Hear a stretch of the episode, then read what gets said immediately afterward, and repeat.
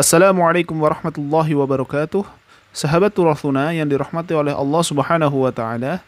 Pada kesempatan kali ini kita akan masuk ke dalam inti ilmu nahwu. Jadi yang akan kita bahas pada pertemuan ini dan pertemuan-pertemuan selanjutnya adalah kaidah-kaidah yang terkandung di dalam ilmu nahwu.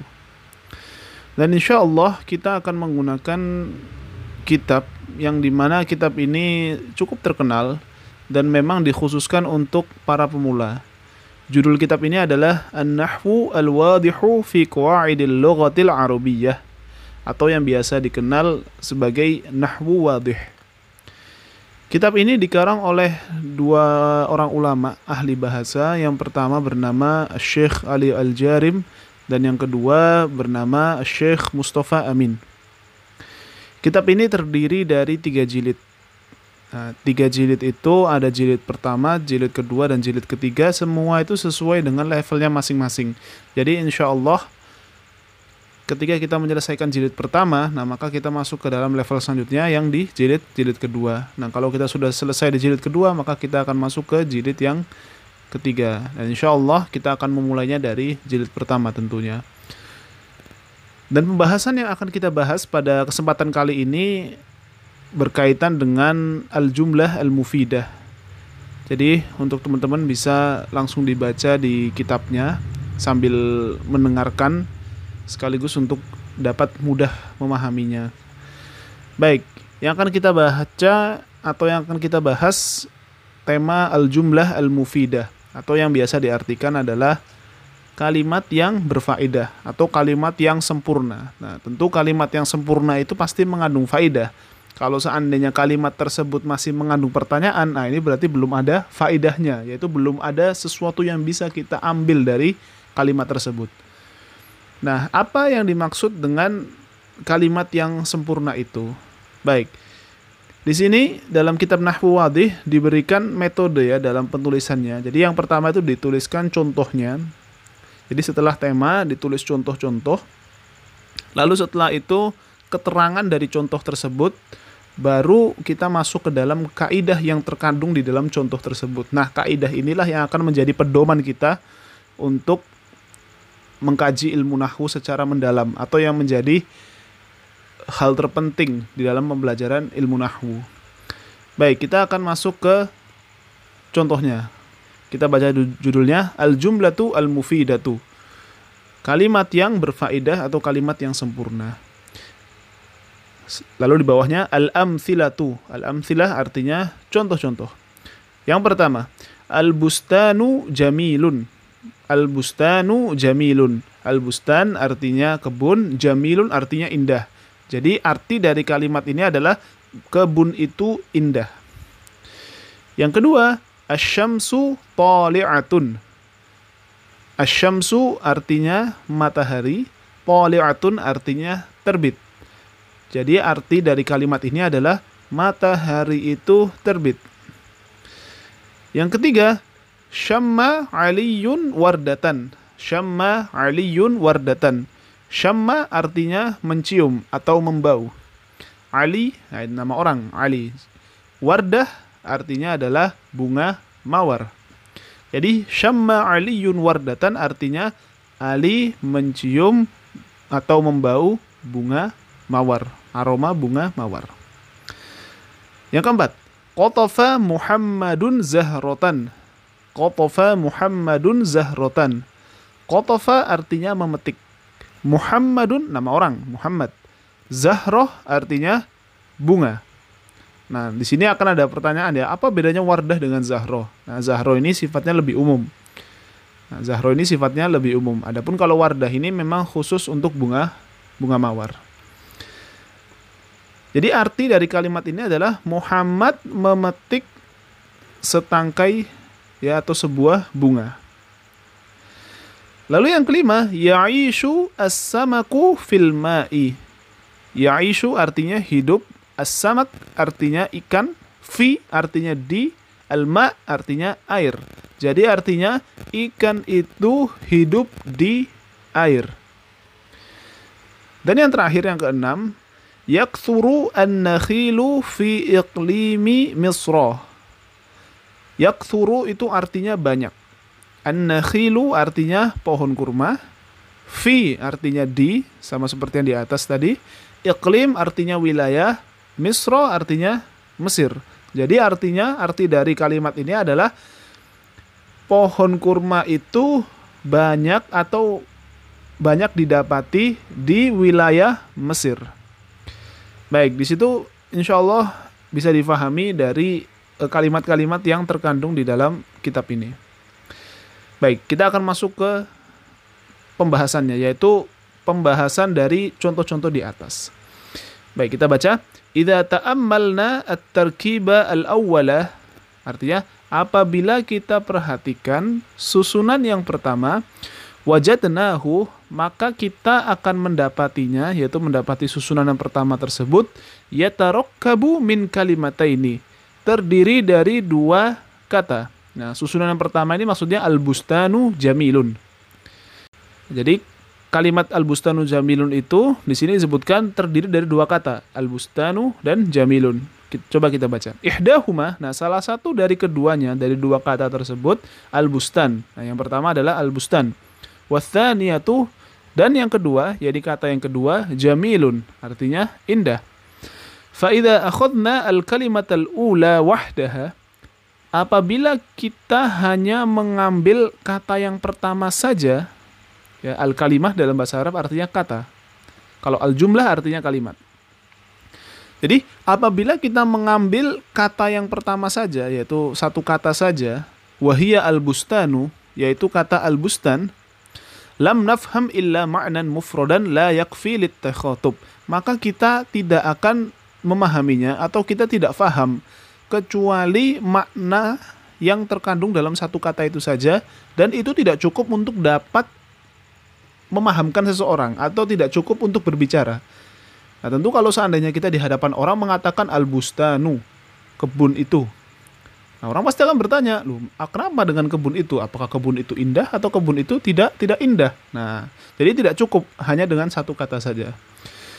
Wakadzalikal halu dan begitu pula idza akhadna al kalimat tsaniyata apabila kita mengambil kata yang kedua saja ya wahdah kata kedua saja wahia jamilun nah kalau seandainya kita hanya mengambil kata yang kedua saja yaitu kata jamilun saja nah di situ maka akan hukumnya sama saja seperti kata yang pertama nah kalau cuma kata pertama saja diambil ya al-bustanu saja kan jelas nggak nggak akan nggak akan dapat difahami. Begitu pula juga ketika disebut jamilun saja tidak dapat difahami.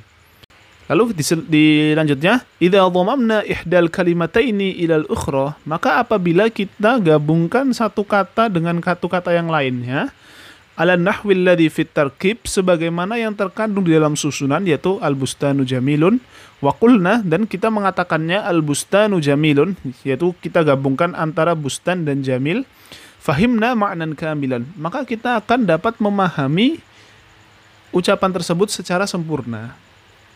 Wastafatna faidatan tamatan dan kita mendapatkan faidah yaitu kita dapat memahaminya secara sempurna mendapatkan faidah yang sempurna ketika disebutkan al-bustanu jamilun. Nah, otomatis kita akan mendapat faidah. Apa faidahnya? Kita akan mendapatkan info bahwasanya kebun itu indah.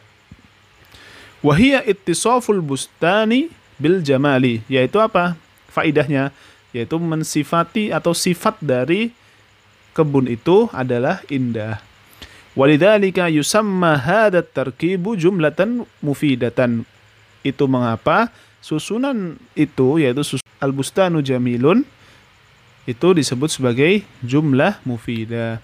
Wa kullu wahidatin minal kalimataini tu'addu juz'an min hadhil jumlah. Maka dari itu setiap satu kata ya, satu kata di antara dua kata tersebut itu adalah termasuk dari bagian dari kalimat yang terdiri dari dua kata tersebut. Nah, ada dua kata otomatis menjadi kalimat. Nah, masing-masing katanya itu adalah bagian dari kalimat tersebut. Wahakadha yuqalu fil amthilatil baqiyah. Begitu pula yang disebutkan di contoh-contoh selanjutnya, yaitu yang lain-lain tadi, yang nomor 2 sampai 6 itu juga dapat difahami bahwa itu adalah jumlah mufidah. Wabihada, untuk itu, naro annal kalimata wahdaha la takfi fit takhatub. Maka satu kata saja itu tidak cukup untuk memahamkan seseorang atau tidak dapat kita gunakan sebagai alat berbicara bersama orang. Wa annahu la budda min kalimataini. Nah, maka membutuhkan ya atau harus terdiri dari dua kata. Fa'akthar atau lebih. Jadi minimal kata tersebut itu ya atau suatu lafat itu bisa difahami atau dijadikan sebagai jumlah mufidah itu dua kata atau lebih.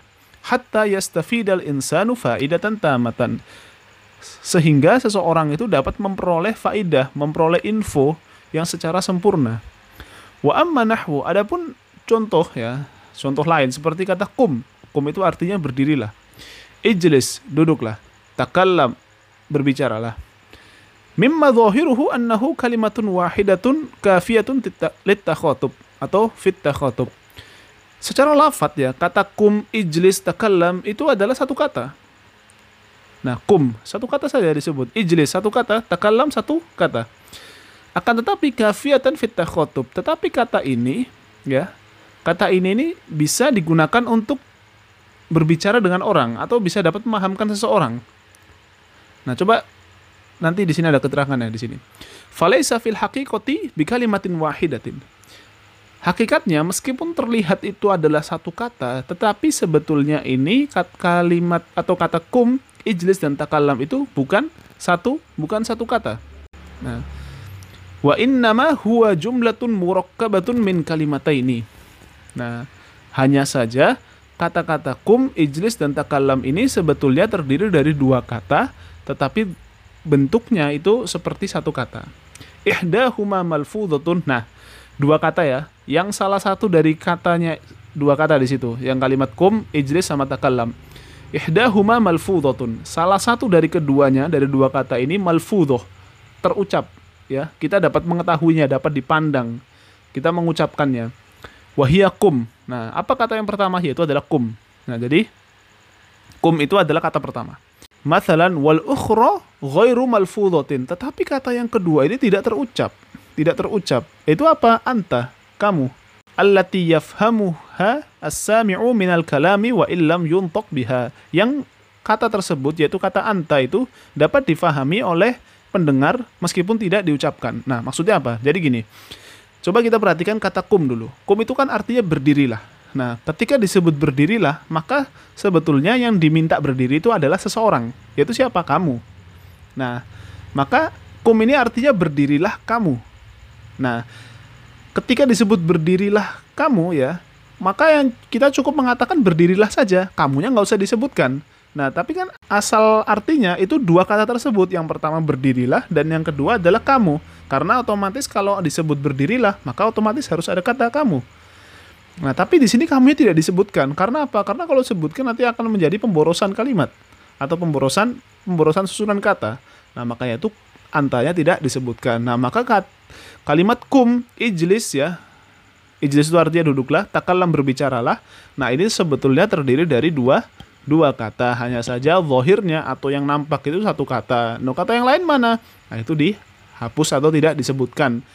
Nah, terus maknanya apa kata yang lain? Artinya adalah kamu. Karena kan duduklah, otomatis kan siapa yang diminta duduk? Ya kamu, berarti duduklah kamu seperti itu. Baik, sekarang kita masuk ke kaidahnya. Kita masuk ke kaidah ini menjadi penting dan ini harus di, di harus harus menjadi pedoman atau harus dihafal. Al-qawaid yaitu kaidah-kaidah. Yang pertama, at-tarkibul ladzi yufidu faidatan tamatan yusamma jumlatan mufidatan. Susunan yang dapat memberikan faidah ya atau yang dapat memberikan makna yang sempurna disebut sebagai jumlah mufidah. Wa yusamma aidan kalaman dan nama lain dari jumlah mufidah adalah kalam. Dan yang kedua, al-jumlatu al-mufidatu qad tatarakkabu min kalimataini. Nah, jumlah mufidah ini terkadang terdiri dari dua kata. Nah, otomatis minimal harus dua kata. Wa qad tatarakkabu min aktsar atau lebih dari dua kata. Wa kullu kalimatin fiha tu'addu juz'an minha dan setiap kata yang terkandung di dalam susunan tersebut, maka itu adalah bagian dari kalimat itu. Nah, jadi bisa kita simpulkan bahwasanya kalimat yang sempurna itu yang dapat difahami disebut sebagai jumlah mufidah. Jumlah mufidah terdiri dari dua kata minimal. Ya, terdiri dari dua kata. Jadi tidak boleh ada satu kata. Kalau seandainya ada satu kata tapi mengandung dua kata, itu nggak ada masalah. Itu disebut sebagai jumlah mufidah. Tapi yang jelas harus terdiri dari dua kata. Atau atau lebih dari dua dua kata. Baik, mungkin itu saja dari saya. Kurang lebih saya mohon maaf. Mudah-mudahan teman-teman bisa memahami secara seksama. Syukron. Assalamualaikum warahmatullahi wabarakatuh.